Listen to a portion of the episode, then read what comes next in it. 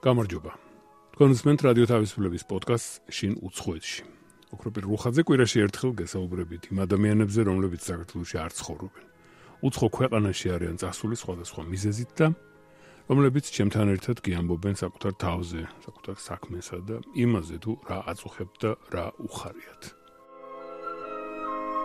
რომ აქვს გავლენა ამ ჟურნალისტის და სოციალური მედიის აზრს შემდეგ ფასის ცვლილებას. ერთი სულხან-მეტრეველი დიდ მონაცემთა ანალიტიკოსია, მეორე ალგორითმული ბიზნესმენი. მესამემ თბილისში ჟურნალისტიკა ისწავლა. შემდეგ შვეიცარიაში ციურიხის უნივერსიტეტში დაიცვა სადოქტორო დისერტაცია და იქვეა ლექტორი. მეცნიერის ამოცანა არის, რომ აი ეს ეჭვის დონე შევამცირო. რაც შეიძლება ნაკლები იყოს შეცდომის შესაძლებლობა იმაში, რასაც ვამბობ, ხო? თავისი 2013 წლიდან მოქმედი საფინანსო ფირმა, ასე ვთქვათ, ჟურნალისტთა ნაწერის ფასებზე გავლენის პრინციპს იყენებს. სულხან მეტრეველმა საქართველოსი ისწავლა ჟურნალისტიკის პრაქტიკული მხარე, როგორც მიღებული იყო მაშინდელ საქართველოსი. შემდეგ ციურიხში სწავლისას და მოგვიანებით სადოქტორო ნაშრომზე მუშაობის დროს მთლიანად შეიცვალა ჟანრი. სულხანი, ასე ვთქვათ, ჟურნალისტიკის თეორეტიკოსი გახდა. დედაჩემს მაინც ჟურნალისტად მივაჩნივა, რომ მითხრა სულხან მეტრეველმა და ახლა განგიმარტავთ რა შეცვალა შვეიცარიამ და როგორ ჩამოაყალიბა ახალი სულხანი უკვე ციურიხში. და აქ რომ ჩამოვედი, მე მეგონა რომ იგივე იგივეს მასწავლე, აი როგორ უნდა დაწერო კარგად, როგორ უნდა ეს აბსოლუტურად არ არის უნივერსიტეტის ამოცანა არის აკადემიური კვლევა, მედიის აკადემიური კვლევა, ხო? ამიტომ სრულიად შეიცვალა, აქ უკვე იძულებით იზოლებული ვიყავი რომ წერა კი არა უბრალოდ გამოიკვლიე რა ეფექტი აქვს მედიას საზოგადოებას ხო? ეს ეს იყო ანუ კლიენტ შეცვალა უნივერსიტეტმა თვითონ. თუმცა ეს პრაქტიკული მხარე პრაქტიკული ინტერესი ყოველთვის ყოველთვის დამრჩა. მე ანუ არ არ დაკარგულა. და ეხლა საქმეს რო ვაკეთებ, იმას რას ვაკეთებ, წერა არ არის ეს, მაგრამ პრაქტიკულია მაინც. ხო, რაღაცა გავაკეთეთ თეორიულად, ჩემი სადოქტორო თეორიულად, მოდი ეს გამოვიყენოთ პრაქტიკულ. შეიძლება ამის პრაქტიკულად გამოყენება მოვახმაროთ, აი რეალურ ეკონომიკას რო ეძახიან ეს ეს აკადემიური საქმიანობა და ეს დუალური ეს გაყოფილი აა სულხანი დარჩა. ეს სულხანი დარჩა. რა რას მე მომწონს? არა ვარ ამით უკმაყოფილო. აი მინდა რომ უნივერსიტეტიც იყოს, ვერ ვანებებ თავს უნივერსიტეტი ძალიან მაინტერესებს. აკადემიური მხარე ძალიან მაინტერესებს. მინდა რომ აი როგორ შეიძლება მე ეს გამოვიყენო, როგორ დავეხმარებით საზოგადოებას ჩვენი აკადემიური ცოდნი.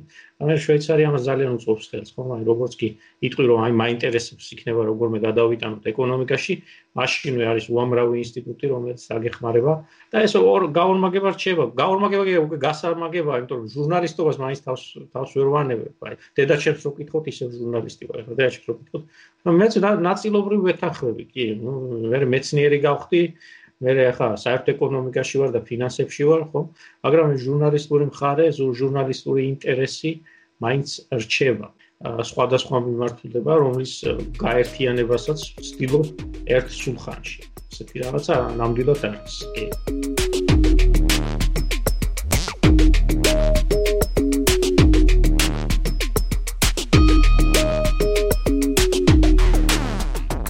ჩემი აზრი გაინტერესებს. მე რომ ლექციას ვიწყებ პირველი რასაც ვეუბნე ერთ-ერთი პირველი რასაც ვეუბნები სტუდენტებს არის რომ თავარი თავარი ადამიანის მისწრაფება არის თავარი და ერთადერთი ერთადერთი მიზანი ესე ვთქვათ უმთავრესი მიზანი არა ერთადერთი უმთავრესი მიზანი არის ცოდნა ადამიანი არის თუ თქვენ დააკვირდებით ახლა თუ იმ ხელოვნური ინტელექტს სწავლობ და ადამიანის არის პრინციპში ცხოველი. ჩვენ ვართ ძალიან ბევრი არ განსხვავდებით ახლა სხვა ცხოველს ჩვენ ვართ ცხოველი. მაგრამ ერთ უმთავრესი განსხვავება ჩემი აზრით არის ცოდნა ხო? ჩვენში არის რაღაცა ცოდნისკენ ლტოლვა ეს ჩვენ გვინდა შევითვისოთ რა ხდება? აი რა ხდება? ჩვენ ვარ მაგალითად ადამიანი შეიძლება იყოს ძალიან ღარიბი, გაუბედურებული, მშიერი, მწყურვალი და აინტერესებს ოკეანის მიღმა რა არის? აი კოლუმბის ამბავი რო ვარ. ხო, აი რა არის ოკეანის მიღმა? რაში გაინტერესებს? იყავი იმ ადგილაზე და მოიყვანე კარტოფილი, თქვა, ხო? არა, ადამიანს მაინც აინტერესებს ეს და ეს არის ადამიანური, თავარი ადამიანი. როდესაც ამბობ რომ რატო ვსწავლობ ფილოსოფია? მეცნიერებები, რომელსაც ვითომ პრაქტიკულად არაფერი მოაქვს ჩვენთვის, არის უმთავრესი მეცნიერება. რადგანაც ისინი ქმნიან ჩვენ ადამიანს. ესეთი მეცნიერება, ანთროპოლოგია არის ჩემთვის ერთ-ერთი უმთავრესი მეცნიერება. აი რა შეგვაინტერესებს მაგალითად პრაქტიკულად 2 მილიონი წლის წინ რანაირი იყო ადამიანის წინაპარი. პრაქტიკულად რა შეიძლება გამოვიყენოს არაფერში. მაგრამ ეს არის რაც ქმნის ჩვენ ეს თვითი ინტერესი რა იყო როგორ იყო ან რა იქნება მაგრამ ეს არის შემეცნების სურვილი ეს არის რაც შეიძლება შორს წავიდე რაც შეიძლება მეტი ვიცოდე თუ ჩვენ ცოდნას არ ვესწრაფით არაპრაქტიკულ წოდნას. არა, აი თავარი არის არაპრაქტიკული. თოხი როგორ გავაკეთო, ეს პრაქტიკულია მეხმარება. ამის ცოდნა აუცილებელი. მაგრამ შემეცნება იმის, აი რა ხდება რაღაც სხვაგან galaktikაში, ხდის ადამიანს ადამიანი. სულხანმეტრეველის მეუღლე ანი მარგველაშვილი მკვლევარია, განათლებით მედიკოსი, პალეოანთროპოლოგია. მამა ცნობილი ჟურნალისტი იყო. სულხანის ოჯახი მკვლევრების ოჯახია. ჯერმა თანამოსაუბრემ ამ თავისი ცოდნის ბიზნესში განვითარება გადაწყვიტა. ბიზნესში, რომელსაც ქვია ალგორითმული. ცხადია, სულხანის საფინანსო ფირმა მოგებაზეა ორიენტირებული. ეს არის ბიზნესის თანამედროვე ფორმა, რომლის მუშაობის პრინციპი, ასე ვთქვათ, სულხანის აღმოჩენას, მისი კვლევის შედეგს, სადოქტორო დისერტაციას ეფუძნება. ჩვენ გვაქვს ესეთი კლასიკური მხარე, კლასიკური მხარე არის ის, რომ ჩვენ ვართ სტანდარტული შვეიცარიული ფინანსური საფინანსო ორგანიზაცია, ან ფირმა, რომელიც აი თელი თავისი ინფრასტრუქტურით არის ისეთი, როგორც არის ნებისმიერ შვეიცარიულ ფირმა. რომელიც არის ჩართული საფინანსო ბაზრებში, ხო? სადოქტორო სრულ მეძახიან საქართველოსში, რაც დავიცავ. ეს იყო ჩემი აზრით მარტივი ახსნა აქვს იმას, რასაც ვაკეთებდი. მე ყოველთვის ვაინტერესებდა, მამაში მიიღო საკმაოდ ცნობილი ჟურნალისტი საქართველოსში და მასთან სტამბაში მაქვს გათენებული ღამები, იმიტომ რომ ვერ მტოვებდნენ ვერსად და ღამ გაზეთები ღამე შუა ღამისას ეწყობოდა ხოლმე და მე გამოიცემოდა დილით. და იქ მაგდა სულ მაინტერესებდა ეს კაცი რომ წვალობს ამდენს აი დაწერს რაღაცას და გამოაქვეყნებს ვინ კითხულობს რა გავლენა აქვს ამას საზოგადო საზოგადოებრივ აზრზე აქვს თუ არა რაიმე გავლენა ეს ინტერესი გამოყვა აი ბოლომდე ბოლომდე ამ ჩემ დისერტაციამდე და ჩემი ინტერესი გადავიდა იმაში რომ აი ჟურნალისტი რომ წერს საფი თქვათ ბირჟაზე რომ იტყვის რომ აი ხვალ ეს და ეს აქცია ასე ასე ფასი ასე შეიცვლება ეს. და მე მე მაინტერესებს რამე შეიცვალა ამით რა თუ არაფერი არაფერი შეიცვალა საერთოდ. ზუსტად ეს გავაკეთე დისერტაციაში ანუ წავიკითხე რა წერდნენ ჟურნალისტები სა თვითონ აი პროდუქტებზე. და მაინტერესებს ჟურნალისტებმა მედიამ სოციალურმა მედიამ მომხმარებელმა რაღაც აზრი გამოთქვა შემდეგ ამას აქვს თუ არა გავლენა საფონდო ბირჟაზე. ეს იყო ჩემი ჩემი დისერტაცია. ძალიან მარტივად რომ ვთქვა, კი, აქვს გავლენა. ეს იყო და შემდეგ დისკუსია მქონდა ჩემ კოლეგებთან და იმათ იმათ მითხეს რომ შენ თუ იცი რა რა მოუვა ფას, რატომ არ იყენებ ამას პრაქტიკულად? იყიდე ის აქცია და გაყიდე ის აქცია. იმის მიხედვით თუ რას ამბობს ჟურნალისტი და რას ამბობს მედია. ეს ჭკუაში დამიჯდა 2003-ში და ვთქვი რომ ძალიან საინტერესო იდეა, ხო? და ეს სოციალური მედიიდან მოგროვებული მონაცემები, მედიიდან მოგროვებული მონაცემები, ეს არის უკვე დიდი მონაცემები. ანუ ეს უკვე პაციენტ მონაცემები არ არის, ხო? ანუ ავტომატურად უკვე დიდ მონაცემებს აგროვებთ თავისი პრობლემებით და თავისი უპირატესობებით. და მე შემდეგ არის კითხვა, აი რა გავლენა ექნება ამას? მართლაც ამას ვაკეთებ, ხო? აი ასეთი ჟურნალისტმა მაგალითად თქვენ რაღაც აზრი გამოთქვით, რა გავლენა აქვს ამ ამ თქვენს აზრს, როგორ შეიცვლება მომავალი ამ აზრის მიხედვით. და ასევე საფინანსო ბაზრებს. და აი ამას პრაქტიკულად ვიყენებ ჩვენ ჩვენს ფირმაში და კლიენტებს ვაძლევთ აი ამ ამის შესაძლებლობას, რომ აქციების კურსის ანალიზი გააკეთონ უკეთესად ვიდრე აკეთებდნენ ადრე მედიის და სოციალური მედიის გარეშე, ხო? ვერ გეტყვით არ ვიცი ახერხებს თუ არა სულხან მეტრეველი ფულის დაგროვებას, მაგრამ თუ იმდენი მოგება ექნა მის ფირმას რომ ფული დარჩა, ანუ თავისუფალი კაპიტალი გაჩნდა. მას შეიძლება ასევე გონივრული გამოყენება. ალგორითმული ბიზნესმენი არაპირებს ფულის შენახვას, სურს ხელოვნური ინტელექტის შექმნაში მისი ინვესტირება. მე მინდა მაგალითად ხელოვნური ინტელექტის შექმნა, ხო? ეს თანხა ავიღოთ და მოვახმაროთ ხელოვნური ინტელექტის შექმნას, რომელიც შემდეგ ჩემს შრომას ჩაანაცვლებს. ანუ იქნება ისეთი ჭკვიანი, ჩემზე გაცილების ჭკვიანი და ჩემს ანუ რა, მინდა რომ ძალიან ზარმაცი ადამიანი არის ზარმაცი, ხო, იმიტომ იგონებს ამ ყველაფერს, რომ რა შეიძლება ნაკლებად იმუშაოს ყოველ ყოველ წელიწადს უფრო ნაკლები და ნაკლები შრომობს. ხელოვნური ინტელექტი არის ამ აპოთეოზი ამ ამ სიზარმაცის, იმიტომ რომ საერთოდ აღარაფრის გაკეთება საჭიროა, იმიტომ რომ ისი მუშაობს ჩვენს მაგივრად და გააკეთებს ჩვენს საქმეს, ხო? ამავე დროს არის რა თქმა უნდა ის არის თვილაპარაკეთ ადრე დასაწყისში, არის ცოდნა, ჩვენ გვინდა ვიცოთ შევქმნით ხელოვნურ ადამიანს, ხელოვნურ ტვინს, მოახერხებთ ამის გაკეთებას, ვიქნებით პატარა და მცირე ღმერთი, იყო ესეთი რა ასეთი რაღაცა კითხვებია. და მეც ეს ეს საკითხი მაინტერესებს, აი მონაცემებს თუ ავიღებ და ჭკვიანი ალგორითმით გვექნება, შეიქმნება თუ არა რაღაცა ადამიანისთვის გავსი, ადამიანზე უფრო ჭკვიანი, მაგრამ ადამიანის მსგავსი აა ხელოვნური ორგანიზმი. ესეთი ესეთი ინტერესი მაქვს. ნუ ეს არის ლაპარაკი უკვე აცლეულებზე. მოხუცი რო ვიქნები თუ ისოს კლიენტი ხას, რაღაცა შეიძლება მივახციოთ ამ ხრი, ხო? ესეთი მიმართულება. თქვენს გოგონასთან ხო არ გაქვთ ხოლმე ამაზე ლაპარაკი? ჩემი გოგონა ძალიან აქტიური ნაწილი არის, თვითონაც არის ის ეს კარგად რომ თვით ძალიან აქტიური ნაწილი არის ამ ხელოვნური ინტელექტის განვითარების, იმიტომ რომ ხელოვნური ინტელექტზე ლაპარაკობ ლექციაზეც, ხო? აი რა არის ხელოვნური ინტელექტი? აა ხელონ ეხა ხელოვნური ინტელექტის შექმნაზე უკვე ლაპარაკი დაიწყო მე-19 საუკუნეში. ან ალგორითმების შექმნაზე. მე მე-20 საუკუნის დასაწყისში და მთავარი ერთ-ერთი მთავარი წამყვანი ადამიანი არის ტურინგი, რომელმაც უკვე აი სერიოზულად დაიწყო ხელოვნური ინტელექტზე ფიქრი, ცნობილი მათემატიკის რომელიც ის ამბობენ რომ აი მან დაამარცხა ჰიტლერი, ხო? იმიტომ რომ აი ეს კოდი გაშიფრა და ესე შემდეგ. აა და ის სერიოზულად ჩავფიქრე ამ საკითხს, რა არის ხელოვნური ინტელექტი და მან თქვა რომ ხელოვნური ინტელექტი მაშინ არის ჭკვიანი, როდესაც აი ადამიანი ელაპარაკება მას და ადამიანი ვერ გამოიცნობს ნამდვილ ადამიანს ელაპარაკება თუ ხელოვნურ ინტელექტს. ხო? აა და ეს ეს არის ტესტურინგის ტესტი ამას. როგორ უნდა ჩატარდეს ეს ტესტირება? როგორ გამოიცადოს ხელოვნური ინტელექტის მქონე, ასე ვთქვათ, არსება, როგორ გაირკვეს? რამდენად ჭკვიანია ის? ლიტერატურის მოყვარულმა სულხან მეტრებელმა მარსელ პრუსს მიმართა. ბასეფულს აქვს კითხვარი. ესეთი კითხვარი თავის შეცნობის და მეგობრების შეცნობის ძალიან საინტერესო კითხვარია, კითხვებს ომს. და აი ამ კითხვებს პასუხს რომ გასცემთ, მე ამ კითხვების მიხედვით შეგიძლიათ თქვათ რანაირი ადამიანი ხართ თქვენ, ხო?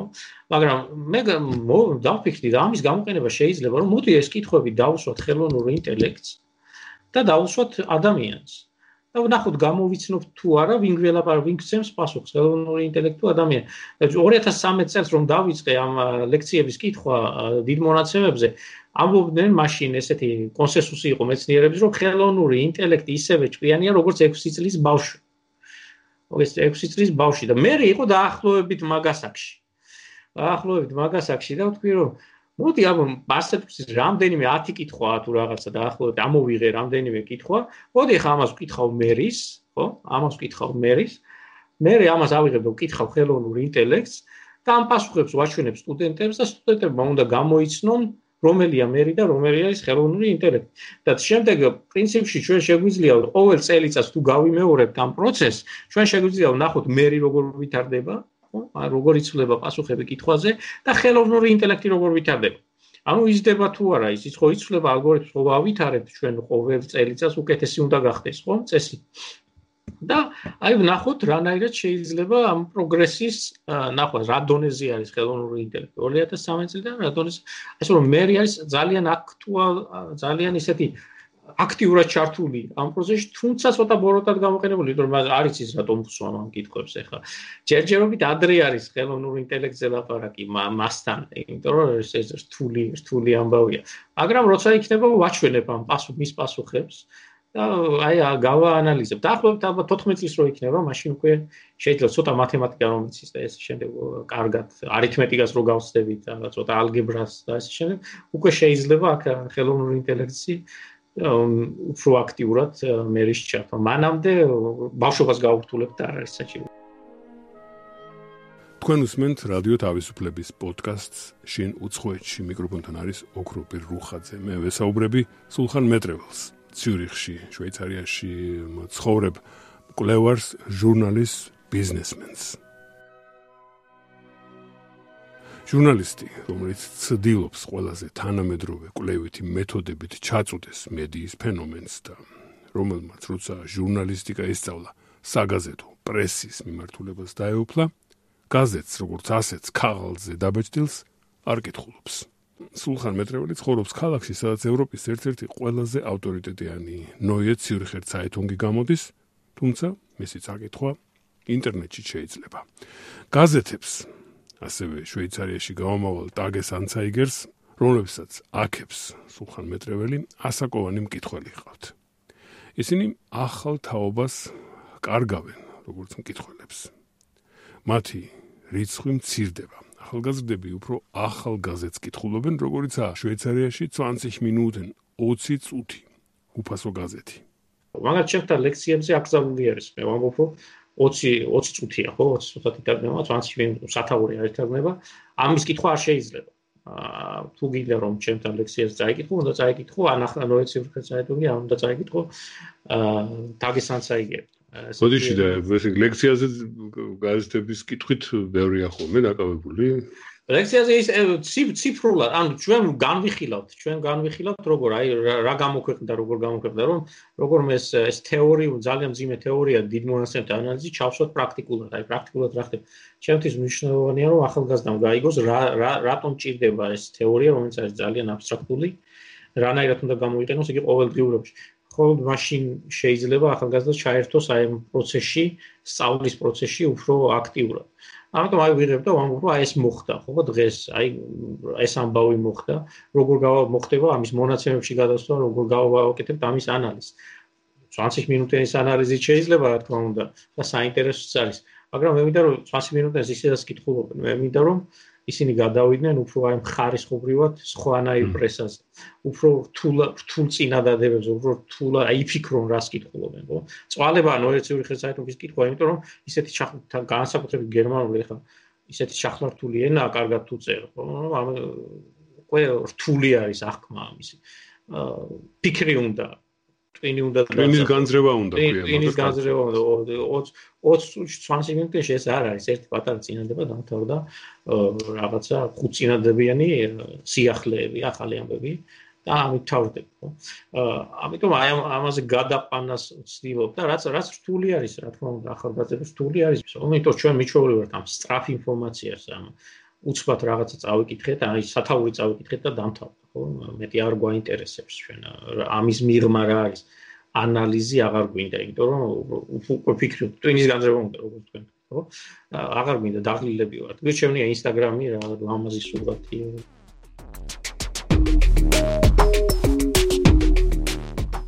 სულხან მეტრეველმა ახსენა თუ ყურადღებით უსმენდით მონაცემები მათი ანალიზი რაც მისი საგანია მისი სფეროა რასაც ასწავლის უნივერსიტეტში რატომ გახდა საჭირო დიდი მონაცემების გამოცალკევება სფეროთ? მონაცემი ხომ მონაცემია. თავარი პრობლემა დიდი მონაცემების რატომ არის ის სხვანაირად? აბსოლუტურად სწორად ამბობთ, რომ მონაცემი ხომ მონაცემია. სტატისტიკურად ერთ და იგივეა პრინციპში, არანაირი განსხვავება არ არის, მაგრამ იმისთვის რომ ამ მონაცემი, პატარა მონაცემის ანალიზი გავაკეთო, ეს კომპიუტერი რომელიც ახლა შენ წინ დგას, აბსოლუტურად საკმარისია, ხო? ამასე დავაწვევი რაღაცა ღილაკს და თუ ვიცი რა ღილაკს უნდა დავაწვე, ამ დამთავრდება ეს წუთზე ნაკლებია. დიდ მონაცემთა ანალიზის პრობლემა არის ის, რომ მას ჭირდება სტრუქტურის შექმნა უნდა, მას უნდა სერვერებზე განთავსება, მას უნდა აა მე მიწვდომა ამ სერვერზე, ეს კომპიუტერი არ არის საკმარისი ამისთვის.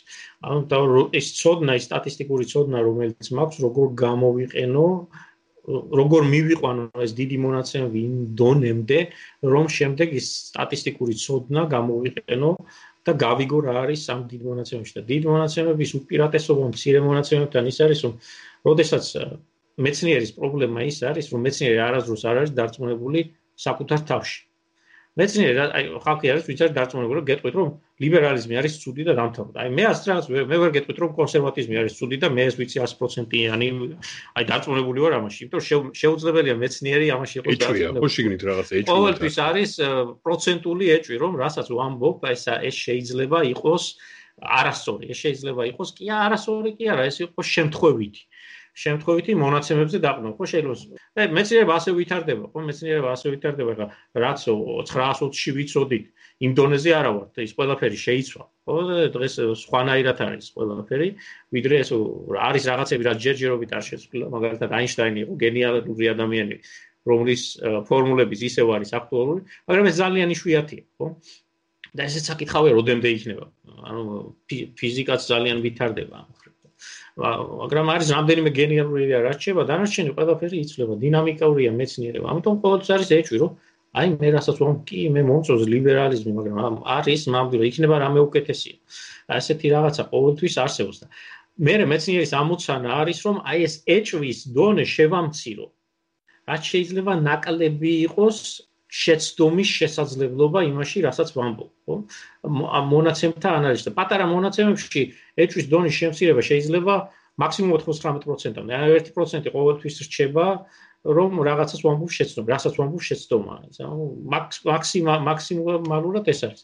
დიდ მონაცემთა ანალიზის ამ 99%-ის კიდევ გაზრდა შეიძლება. ანუ შეიძლება უფრო დავაპატარაო იმის ალბათობა, რომ რაღაცა მეშლება. ხო? მეცნიერული თვალსაზრისით აი ღმერთი რა არის? ბატონო, ღმერთი არის მე რელიგიაშიც კი ისეთი რაღაცა, რაც არის ყოვლის შემძლე ომნიპოტენტური, ანუ ყველაფერი იცის, ხო? ანუ რატომ იცის ღმერთი ყველაფერი? იმიტომ რომ მას აქვს მეცნიერულად ყველა ცვლადი, ანიცის ყველა ცვლადი მეცნიერულად. ანუ 100%-იანი ცოდნა აქვს მას, ხო? ადამიანი ამისკენ მიილთვის, ადამიანი მიილთვის რომ კონდეს 100%-იანი ცოდნა ყველა ცვლადი თუ ვიცით ჩვენ, აი ამ მოცემულ მომენტში, სამყაროში ყველა ცვლადი თუ ვიცით, ჩვენ შეგვიძლია მომავლის 100%-იანი წინასწარმეტყველება. პრობლემა ის არის მეცნიერულად, რომ არ ვიცით ყველა ცვლადი. ну გვინდა რომ გავიგოთ. დიდი მონაცემები უფრო მეტ ცვლას გვაძლევს, ვიდრე პატარა მონაცემები. უფრო მეტ სოდნას გვაძლევს ამ თვალსაზრისით. აი ეს არის სხვაობა.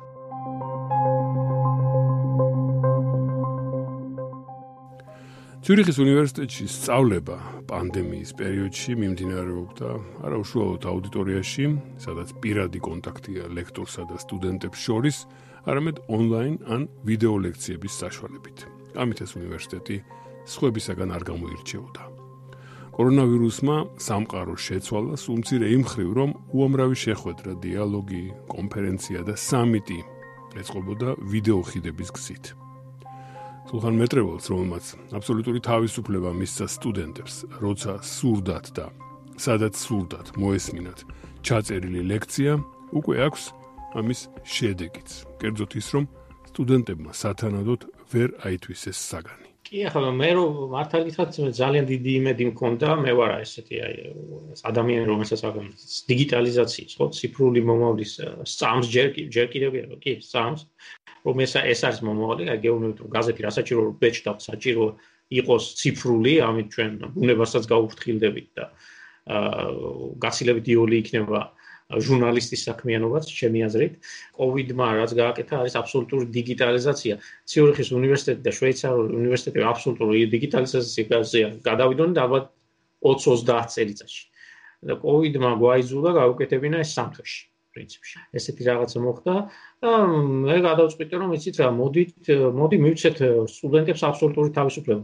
როცა უნდათ მოისმინონ ეს ლექცია, როცა უნდა რამდენხანსაც უნდა მოისმინონ ეს ლექცია, როცა უნდა წაიკითხონ რაც ასაკითხია. კითხვების დასმა თუ უნდა დაგვისვან ეს კითხვები და ჩვენ გავცემთ მე ონლაინ რეჟიმში პასუხს. ანუ აბსოლუტური თავისუფლება მის ეს მე ძალიან მომეწონებოდა როგორც სტუდენტს, ხო? მაგრამ აი შემდეგ შედეგები გუშინ გავასწორეთ, გუშინ გავასწორე э, შედეგები იმის э, გამოცდის, საბოლოო გამოცდის შედეგები. იყო ყველაზე ცუდი, э, უკვე 2013 წლიდან ვასწავლე ვკითხულობ ამ ლექციას. ყველაზე ცუდი აი ამ ბოლო 7-8 წელიწადში.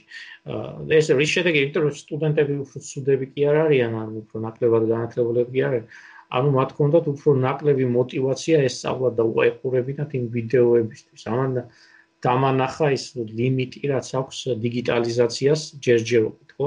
ანუ გათვლა ჩემი შეცდომაც არის, ანუ გათვლა იყო რომ სტუდენტს ექნებოდა თვითმოტივაცია იმისთვის რომ ესწავლა, მაგრამ ეს ასე ეს ასე არ არის. ანუ ის რომ აი სისტემა სტრუქტურა აიძულებს რომ აი მოდი და ეს არის წაიკითხე და წადი, ამას ძალიან დიდი მნიშვნელობა აქვს განათლების მისაღებად. შეიძლება თუ არ ამის ციფრულად ამის ციფრულად გაკეთება შეიძლება. ანუ ეს ასპექტი, იძულების ასპექტი უნდა დარჩეს. ბავშვთანაც არის ეს, ხო?